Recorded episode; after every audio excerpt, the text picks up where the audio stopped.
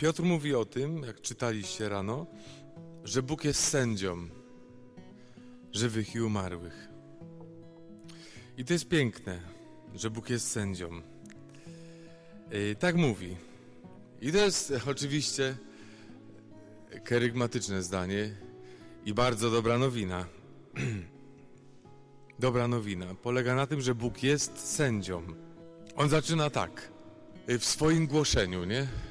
I to jest oczywiście, myślę też, kiedy ja wstanę i pójdę, co mam mówić drugiemu człowiekowi. I on mówi, przekonuje się, że Bóg nie ma względu na osoby. To znaczy, że Bóg jest sędzią sprawiedliwym. Prawda? U niego nie jest ważne, czy ja jestem biedny, bogaty, Żydem, Rzymianinem, czy jestem uroczy, czy mało uroczy, prawda? Silny, czy niesilny i tak dalej. To nie jest istotne, bo nie ma względu na osoby. A to też również oznacza, że Bóg ma wzgląd na tych, którzy są słabsi. Nie ma względu na osoby, czyli Bóg ma wzgląd szczególnie na tych, którzy są słabsi, bo ci silni sobie poradzą. Zadbają o siebie. Żeby chociażby przewód sądowy brzmiał po ich myśli. Ale kto się upomni o, ubogie, o ubogiego, którego nie stać na adwokata? Nie? Kto się ubogi upomni o takiego? Więc przekonuje się, że Bóg nie ma względu na osoby. Co jeszcze Piotra przekonuje? Że Korneliusz ma takie samo objawienie jak Piotr. Niesamowite. Może ktoś by powiedział, no nieprzyzwoite, Piotr, uczciwy Żyd, z dziada pradziada, w narodzie wybranym od Abrahama, od Izraela. Co więcej, to Piotr poszedł z Jezusem i w ogóle on jest papieżem. nie. On powinien mieć objawienie. A Korneliusz nie odróżnia w chrześcijaństwie prawej ręki od drugiej, od lewej. Nic nie rozumie. I on ma to samo objawienie to może Piotr by pomyślał, no to po co ja jestem papieżem? Po co mi to? Bo to, że ktoś jest papieżem, to jest zadanie. Ale to nie jest moje prawo przed Bogiem, że ja jestem, nie wiem, proboszczem, że jestem księdzem, że to nie, to nie jest moje prawo.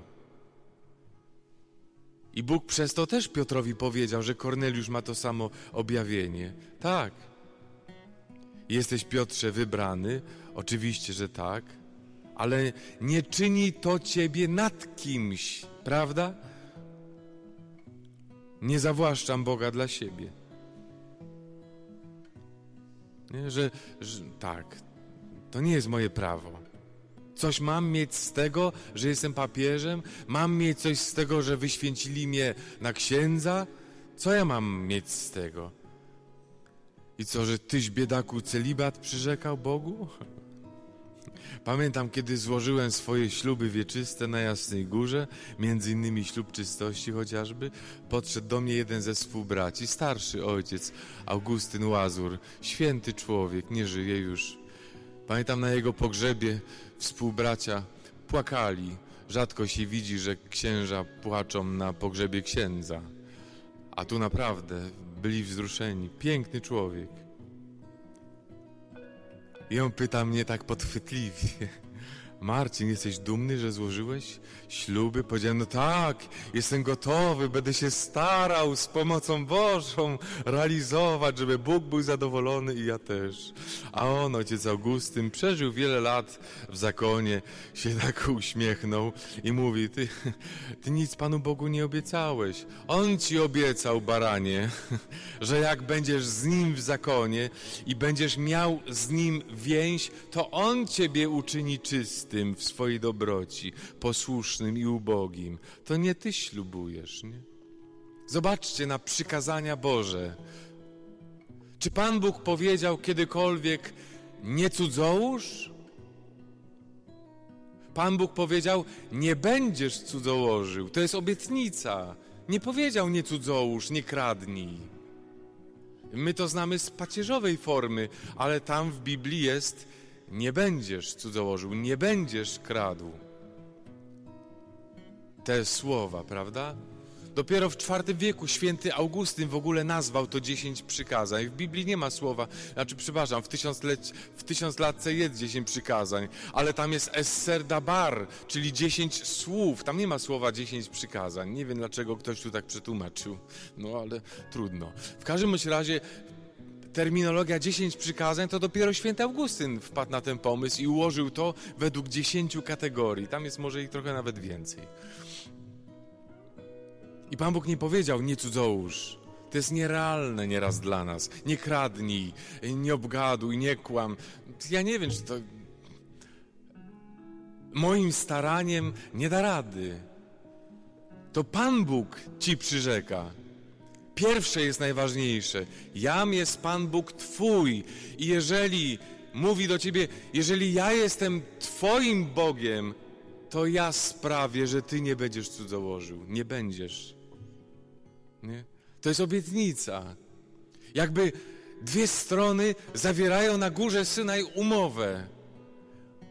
Ty, człowiek, zobowiązujesz się do jednego. Jam jest Pan Bóg Twój. A Bóg się zobowiązuje, że wtedy nie będziesz cudzołożył, nie będziesz kradł, nie będziesz zabijał.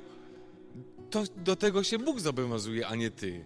Jak ty się zobowiążesz, że nie będziesz cudzołożył, nie będziesz kradł, nie będziesz zabijał, no, no nic z tego nie wyjdzie. Ty masz się zobowiązać, że Bóg będzie twoim Bogiem, a On sprawi w tobie wszystko. Ja się zobowiązałem podczas ślubów i to mi ojciec Augustyn Łazur dokładnie powiedział, nie? Ja się zobowiązałem, że, że, że Bóg będzie moim Bogiem, nie? Więź swoją, a On obiecał, że wtedy zachowam ślub czystości, posłuszeństwa, ubóstwa. To jest tak, nie? No. Piotr oczywiście, on jest wybrany. Ksiądz jest wybrany i ojcowie neopresbiterzy się cieszą. Jesteś wybrany, Patryku, Józefie, Pawle, ale i Andrzeju, Marcinie i tak, i Józefie Przeorze też. Jesteś wybrany. Tylko, że to wybranie jest zadaniem, a nie przywilejem. Nie przywilejem, to jest zadanie. Piotr jest wybrany, to znaczy, że ma co? Zadanie w stosunku do Korneliusza. Ma go wprowadzić do ludu wybranego, to jest zadanie. Ale nie znaczy, że Pan Bóg ma więcej uwagi dla Piotra niż dla Korneliusza. Nie. I jeden i drugi mają to samo objawienie, to dużo mówi. Bóg nie ma względu na osoby, bo jest sędzią. I Piotr mówi tak. I teraz już wiem, teraz już wiem, że Bóg nie ma względu na osoby i On rozkazał ludowi dać świadectwo, że Bóg ustanowił go sędzią żywych i umarłych. I to jest dobra nowina, że Bóg jest w Chrystusie sędzią żywych i umarłych. To jest dobra nowina, to jest najlepsza nowina dziś. Bóg jest sędzią. Hmm, jak to dobra nowina? Ktoś powie, no to jest dziwne, nie? Da, nieraz patrzymy na Golgotę, na scenę ukrzyżowania, to jest scena sądu, sędzia w środku, ludzkość po obu stronach. To, co Jan mówi, teraz odbywa się sąd nad światem. To znaczy, że Jezus objawia się jako sędzia wtedy, kiedy wchodzi w godzinę męki, wchodzi na swój krzyż, czyli jest sędzią, który sądzi ciebie nie gdzieś tam z góry, sądzi ciebie z krzyża. Prawda?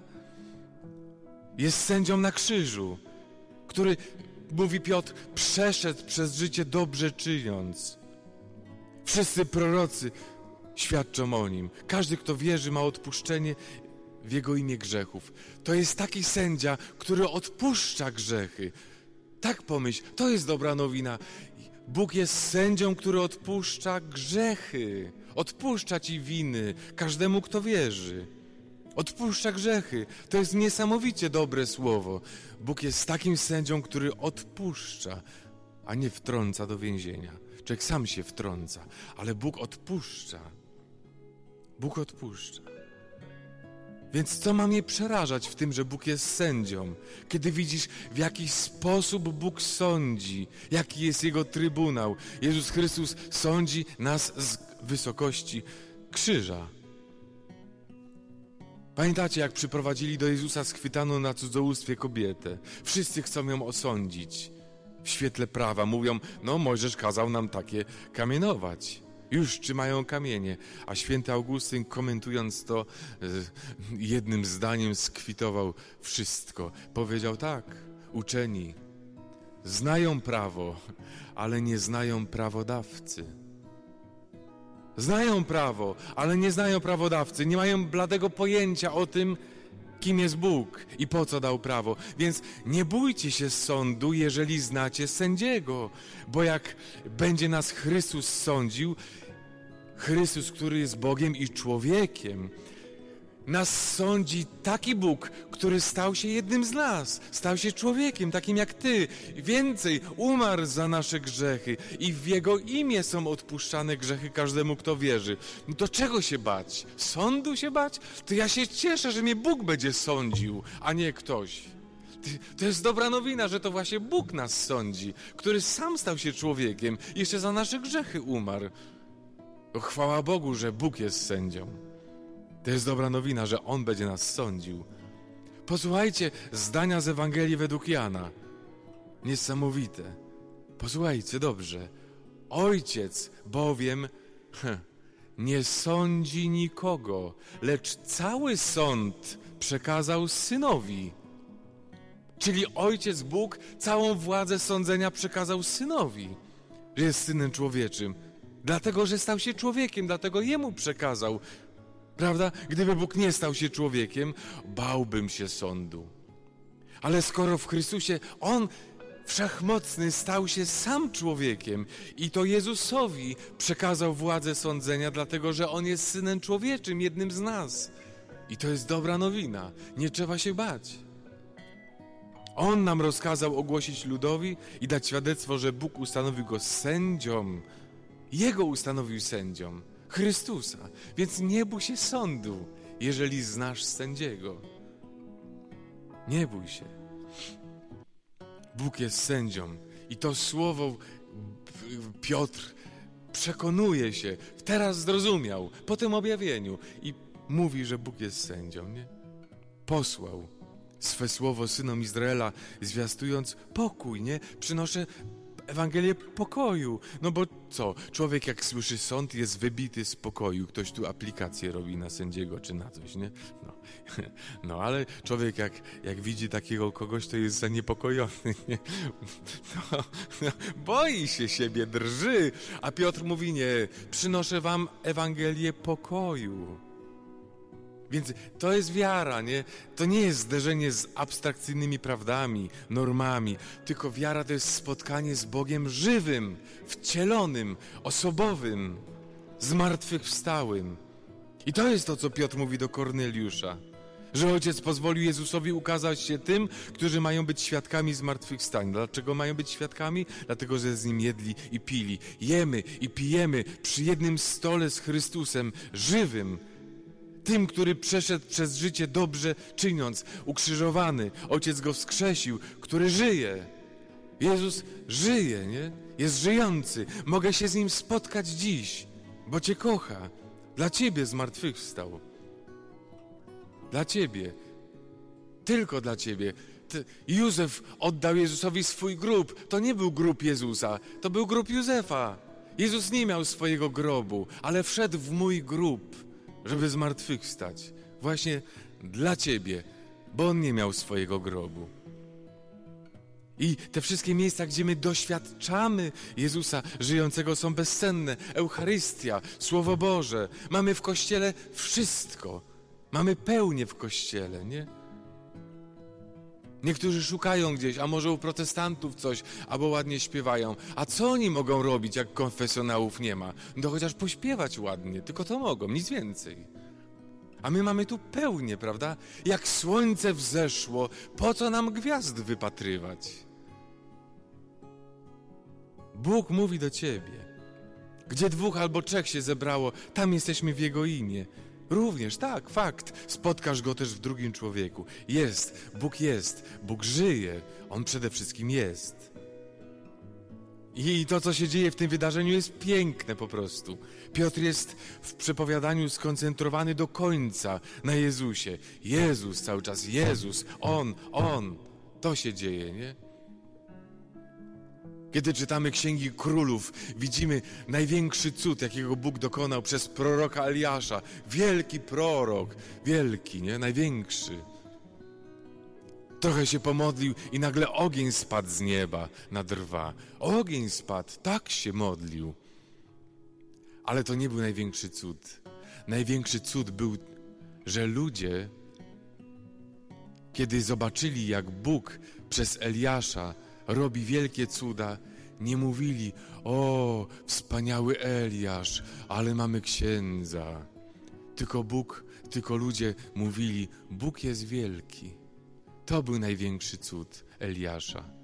Że nie cmokali z zachwytu, Eliasz jest wspaniały, tylko że wszyscy mówili: Bóg jest wielki. To nie znaczy, że chrześcijanin ma się chować pod stół. Absolutnie. Mamy wyjść na scenę. Mamy wyjść na scenę. Tylko żeby ludzie nie mnie, tylko Boga chwalili. Bo Jezus mówi, tak niech świeci wasze światło. Twoje światło ma świecić. No wyjdź na scenę. Twoje światło ma świecić. Aby ludzie, widząc was, chwalili Ojca. Nie mnie, Ojca. Więc mamy wyjść niekiedy w światła reflektorów, ale żeby ludzie chwalili Ojca, a nie Eliasza, a nie mnie. Duch Święty zstępuje.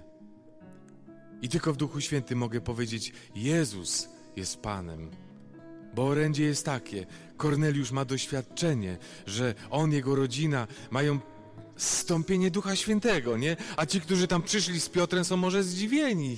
A wiecie, co najbardziej zdumiało? Najbardziej zdumiewa to, że poganie wychwalają Boga. Tak, nie siebie, nie Piotra, Boga wychwalają Boga, czyli nie myślą o sobie, nie są skoncentrowani na sobie, chwalą Boga. Jezus, Jezus, On. Rewelacja. Pierwszy wieczór uwielbienia w Cezarei Nadmorskiej, wieczór chwały. Tak? To się dzieje w Duchu Świętym po prostu. I Piotr już nie ma wyjścia. I mówi tak, no któż może odmówić chrztu tym, którzy otrzymali tak samo Ducha Świętego jak my? On to widzi. On widzi, że w życiu Korneliusza i tych, którzy tam przyszli, dokonał się ten przewrót już, jaki w nich się wcześniej dokonał w pięćdziesiątnicy. Bo to nie chodzi o to, że oni potrafią teraz wyjść, pomodlić się językami, że wychwalają Boga. O to chodzi. Wychwalają Boga. Bo zanim ja, zanim ty zaczniesz, że wychwalasz wychwalać Boga, Duch Święty musi nas przesterować, bo naprawdę każdy wcześniej wychwala siebie, każdy jest skupiony na siebie. Więc apostołowie weszli do wieczernika w ostatniej wieczerzy. Ostatnia wieczerza. I co tam robili apostołowie na ostatniej wieczerzy? Mi kiedyś ten tekst umknął, ale tak naprawdę podczas ostatniej wieczerzy apostołowie kłócili się. Ta pery, perykopa u świętego Łukasza nazywa się Spór o pierwszeństwo. 20 rozdział, 22 rozdział Łukasza. To, to jest wszystko w wieczerniku. Gdzie kto będzie leżał, bo już nie siedział, prawda? Po prawej stronie Jezusa, a kto po lewej spór o pierwszeństwo. Kłócili się i wyszli z wieczernika 50 dni później.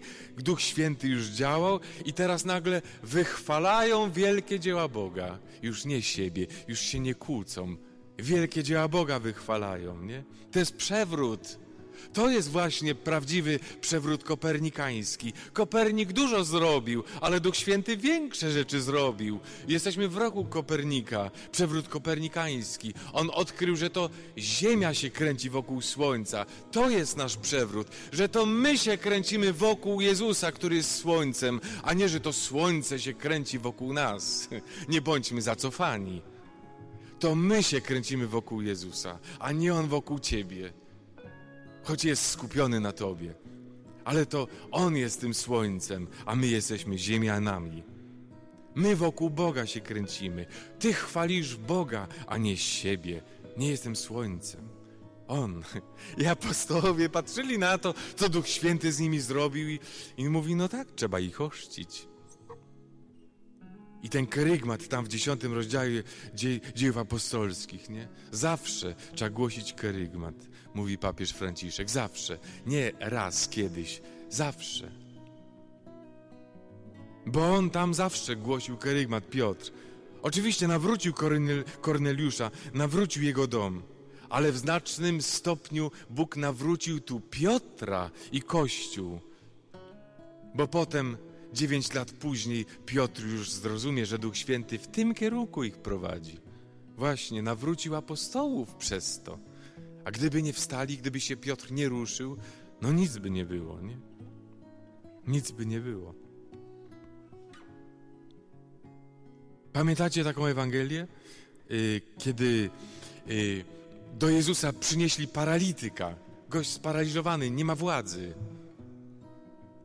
Nie ma problemów z teorią, wie kim jest Jezus, ale nie ma władzy, nie ma siły, żeby samemu podejść. No i co? Spuszczają przez dach tego paralityka. I Jezus widząc nie wiarę paralityka, tylko ich wiarę, tych ludzi wiarę, odpuścił mu grzechy. Odpuszczając się Twoje grzechy. Niesamowite.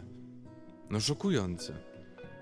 Może dla nas, którzy znamy już katechizm, znamy, yy, prawda, prawa przystępowania do spowiedzi, ktoś sobie pomyśli, no ale halo, czy ten paralityk był gotowy na rozgrzeszenie?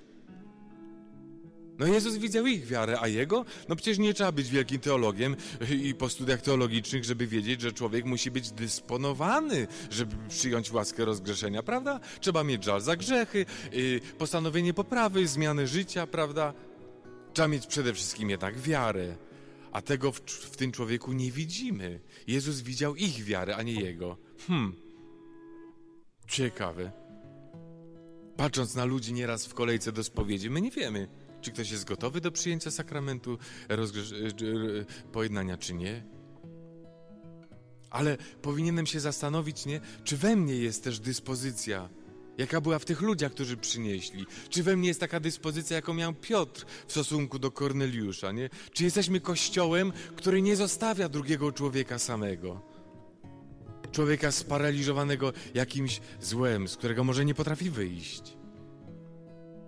I nie problem w tym, że Chrystus nie może rozgrzeszyć bez naszej pomocy. Nie, tylko bez naszej pomocy ten człowiek może być, nie, nie być gotowy, żeby Jego łaskę przyjąć.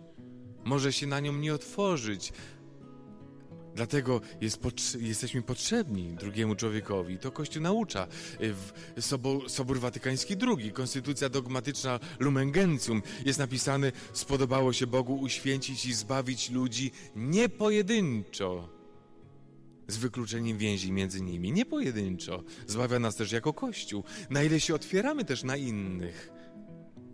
Piotrowi nie było łatwo, ale się otworzył, wstał, poszedł. A czy ja się otworzę? Czy ja wstanę? Czy grzesznik ma miejsce w moim sercu? Kościół starożytny nie zostawiał ludzi samego z grzechem. Fakt, pokuta miała charakter publiczny. Gdybyśmy się teraz przenieśli te kilkanaście wieków yy, wstecz, prawda? Gdybyśmy się tam przenieśli, chyba 16 stuleci wcześniej, to tu wchodząc do kościoła byłoby trochę inaczej. Zobaczyliśmy, zobaczylibyśmy Pan pod chórem ludzi pokutujących. Nie mogliby być tu przy ołtarzu, o nie. Nie mogliby prawa wejść tu do środka. Staliby w przedsionku, z tyłu. Więc wchodząc tutaj do ołtarza, w tej procesji, jaką chociaż dzisiaj mamy przy, przy mszy świętej, no to wiedzielibyśmy, kto tutaj pokutuje i nie może przyjąć komunii. I po co tak było? Nie chodziło o to, żeby ci, którzy stali przy ołtarzu, tu w prezbiterium, wytykali ludzi palcami. Jak nieraz to się dzieje, o wy cudzołożnicy, takie słowa niektórzy używają. Tylko oni dochodzili tu przed ołtarz w jednym celu, żeby być przed Bogiem ambasadorami tych ludzi, których jeszcze tu nie ma. O to chodziło. Nie, żeby ich osądzać, tylko żeby być ambasadorami, wstawiennikami tych ludzi przed Bogiem. Tak, po to. Znajduję sobie w sobie słowa potępienia, tylko widząc grzesznika jakiegoś? Czy jestem w stanie podjąć modlitwę, pokutę może za kogoś? Czy, czy grzesznik musi się chować po kątach? Czy ma prawo do mojego obywatelstwa i mojej miłości. Piotr się otworzył na Korneliusza. Poganina jak trza. Paralityk, no brak siły. On wie, kim jest Jezus. No ale nic więcej nie wie. Nie ma siły, nie? Teorie to w porządku, ale z praktyką problem, nie? No zobaczcie na świętego Ambrożego. I paralitykiem dla niego był święty Augustyn. Święty Augustyn, on słuchał kazań Ambrożego. Lubił te kazania, ale pisał w wyznaniach, że był ciekaw jedynie formy. Treść go w ogóle nie interesowała, bo Ambroży był świetnym retorem. I potem oczywiście Augustyn po latach przerósł Ambrożego. Z teorią nie ma problemów. W teoretycznym poznaniu Boga go przerósł, ale miał wszystkie inne. I w wyznaniach święty Augustyn pisze tak: Mówiłem zaraz, zaraz, zaraz, jeszcze nie. I Augustyn pisze tak: cytuję: Daj mi Boże czystość, powściągliwość, ale nie zaraz. Nie, jeszcze sobie pogrzeszę. Obawiam się, byś mnie prędko nie wysłuchał i nie uleczył z choroby, którą raczej wolałem się nasycić niż ugasić. No, chłop był szczery. Do bólu. Jak Tadziu. I pisze tak: Walczyły we mnie dwie wole, dobra i zła. W tej walce byłem po, po obu stronach. Wiecie, często się mówi tak, że człowiek chce dobrze, tylko mu źle wychodzi. Tymczasem Augustyn pisał wprost, że chciał źle. że chciał źle, wiedział czym jest dobro i zło, ale nie potrafił się zdecydować i w ten sposób stał się paralitykiem. Augustyn był paralitykiem dla Ambrożego. Tylko na szczęście miał mamę i ta mama była dla niego kościołem. Pomimo to, że żył w cudzołóstwie, tak, żył w konkubinacie, tak, miał dziecko z konkubinatu, owszem. Ale wiedział, że jak przyjdzie do domu, mama pogłaszcze go po głowie, nie akceptując tego, co robi, ale bezwzględnie kochając jego samego. Nie musiał się chować po kątach. Akceptuje jego, choć nie to, co robił. Nie? Więc czy ja potrafię iść, przyjąć drugiego człowieka w jego grzechu, z jego grzechem, może nie? Czy potrafię tak jak on? Myślę, że to dobre pytanie na te rekolekcje, nie? Nie tylko to, że, żeby wyjść, wstać, głosić, ale czy też drugi grzesznik ma miejsce w moim sercu, żeby, bo to jest pierwsze, to jest fundamentalne, nie? Tak, fundamentalne. Dlaczego? No bo żeby iść do kogoś ze słowem, wstać i do niego iść, trzeba zejść do jego poziomu po prostu. Do jego poziomu trzeba zejść.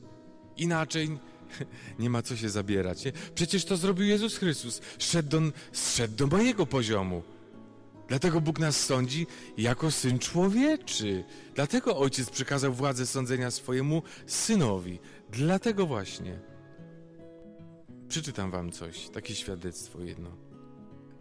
Świadectwo o, o, o, nie o sobie, bo to tylko o, o innym człowieku. Sami może się na pewno y, będziecie wiedzieli, o kim to jest. Muszę znaleźć. No, posłuchajcie. Druga wojna światowa.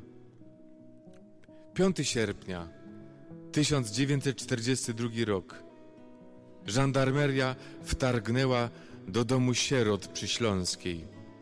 Psy, kolby karabinów, wrzask, płacz. I wtedy coś wstąpiło w starego doktora.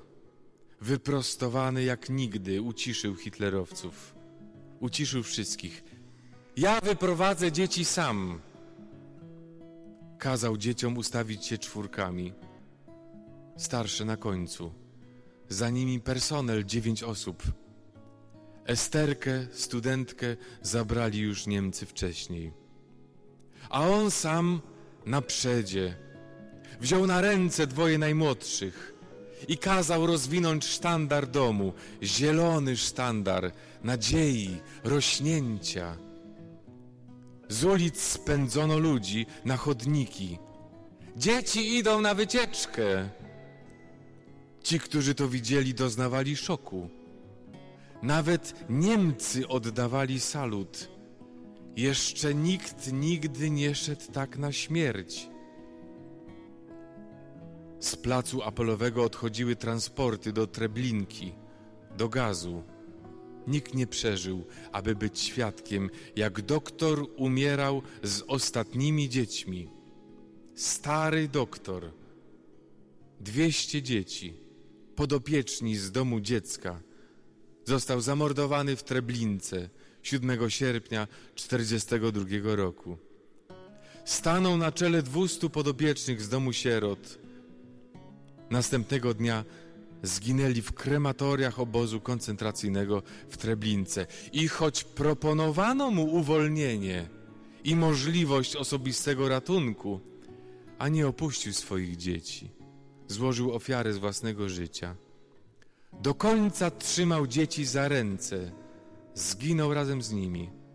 Odszedł w wytartym mundurze polskiego lekarza wojskowego, który włożył w pierwszym dniu wejścia Niemców do Warszawy i nosił ostentacyjnie aż do śmierci.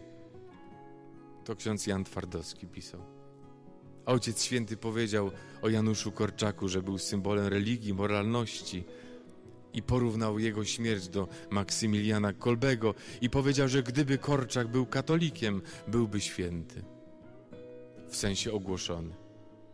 Który człowiek znalazłby się w obozie, mając możliwość ucieczki oficjalnej i zobaczyłby, co się tam dzieje, zobaczył nagich Żydów, Polaków, Romów, którzy czekali w kolejce do komory gazowej, tak zareaguje? Kto wtedy nie wywołałby powstania jakiegoś, nie zacząłby moralizować, ale sam rozebrał się i stanął nagi w tej kolejce do komory gazowej razem ze swoimi dziećmi. Tylko taki, który kocha. Bo miłość jest możliwa tylko wtedy, kiedy schodzi się do poziomu drugiej osoby. Jeżeli jesteś nad kimś i do niego mówisz i masz przewagę, to nie ma miłości. Dlatego wielki Bóg Wszechmocny Bóg, nieśmiertelny Bóg stał się śmiertelny. Dlatego zszedł do naszego poziomu. Umarł jako przestępca. Jeżeli ma ktoś przewagę nad kimś i nie ma miłości, to nie ma co wstawać i iść. Tak jest. Ta miłość jest po prostu zgorszeniem, jak pisze Paweł głupstwem, jak pisze Paweł. Jest taka piękna ikona, Anastazis, Chrystusa zmartwychwstałego. My na naszych, już nie ma kartek świątecznych, mało może jest, ale jak u nas mamy nieraz y, pocztówkę ze zmartwychwstaniem, na zmartwychwstanie, no to ja nie mówię o tych wszystkich jajach i królikach, które tam są, ale jak jest taka, y, y, no, katolicka, prawda, no to wtedy jest grób i Jezus już kierunek w niebo wzięcie, kierunek góra. A u grekokatolików jest odwrotnie. Jezus wychodzi z grobu, kierunek dół. Stąpił do piekieł. To jest Kościół Wschodni. Wpierw wstępuje do piekieł. Nam się chrześcijaństwo kojarzy, trzeba stawać na palcach, nie? Wspinać się, doskonalić się. Doskonałość to jest punkt dojścia, to nie jest punkt wyjścia zejść w dół. Chrystus schodzi w dół, schodzi do piekieł. Co tam spotyka? W otchłani, w szeolu. Spotyka tam mnie, spotyka tam Ciebie, którzy jesteśmy bezradni wobec swojego grzechu. Leżymy jak dłudzy, nie? A Bóg schodzi, bo kocha. Żeby iść do kogoś, trzeba zejść w dół, zejść do Niego jak wszechmocny stał się bezbronnym dzieciątkiem. Tak zszedł do nas. Sikał w pieluchy, nic nie mówił, brzdąkał pod nosem. Taki Bóg wszechmocny, który zgodził się nie umieć i być niezaradny. Takiego mamy Boga. Prawda, że piękny? Bóg, który kocha, schodzi w dół, schodzi do nas, do Ciebie, bo kocha. Piotr poszedł do Korneliusza. Nie? Więc żeby iść do kogoś, wstać i pójść, trzeba stanąć oczywiście na jego poziomie, na jego. I ostatnia rzecz. Kiedy ludzie widzieli Dawida, króla, podniecali się, nie? O, to ten Dawid, nie? O, to Dawid przyjechał, nie? O, ojciec Marcin, o, ojciec y, Piotr, o, nie, tam brat Paweł, o, nie, brat, nie wiem, Patryk, Filip, o, to Dawid, no, zwłaszcza kobiety. Czy to nie Dawid? Mówią, król ziemi. I co zrobił Dawid? Jest napisane, przestraszył się pochlebstw. I co robił? Zaczął udawać wobec nich szalonego, szalonego. Dokonywał niezrozumiałych czynności. Tuk rękoma w skrzydła bramy. Pozwalał, że ślina spływała mu po brodzie. Tadziu, pokaż, masz brodę. I Akisz rzekł do swoich poddanych: Widzicie człowieka szalonego. Po co go sprowadziliście tutaj? Tu nie ma ośrodka. Tu nie ma terapii. Czy brakuje mi szaleńców, żeście sprowadzili mi jeszcze jednego, żeby szalał przede mną? Wiecie, Dawid wolał udawać szalonego, niż przyjmować honory, które mu się nie należały, bo wiedział, kto jest królem ziemi. Wiedział. Święty Efrem Syryjczyk pisał tak: Szalony, kto śmierć uważa za sen, mający trwać wiecznie. Jego poezja piękna jest. Ludzie byli zachwyceni jego erudycją, wrażliwością. Ale wiecie, gdy biskup chciał udzielić jemu święcej kapłańskich, święty Efrem, czując się niegodnym i nie wiedząc, jak się oprzeć naleganiom, udał, że popada w szaleństwo. Udawał idiotę. No tak. Oczywiście, Bóg nie wymaga, żeby wasi ojcowie udawali szaleńców.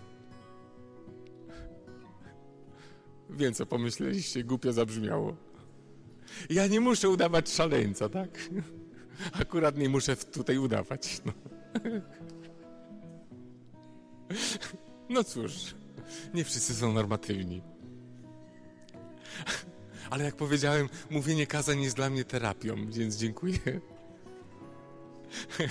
Ale on, ale on nie chce jedynie, żebyśmy zakładali maski supermenów, prawdzie? Przyszedł do mnie kiedyś mój współbrat w klasztorze. Widziałem go wiele razy na dzień i poprosił mnie o książkę jakąś. A ja mówię, słuchaj, nie mam, sprawdź w internecie.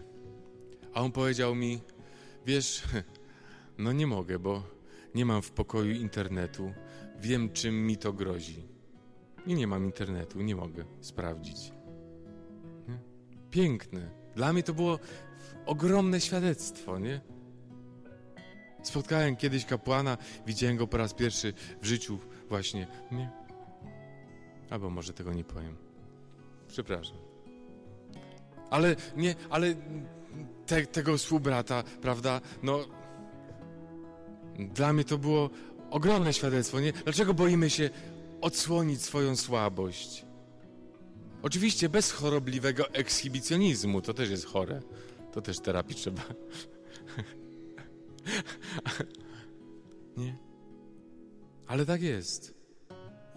Jesteś moim bliźnim. Czyli pokaż mi swoje blizny, bo jesteś moim blizn, bliźnim, nie?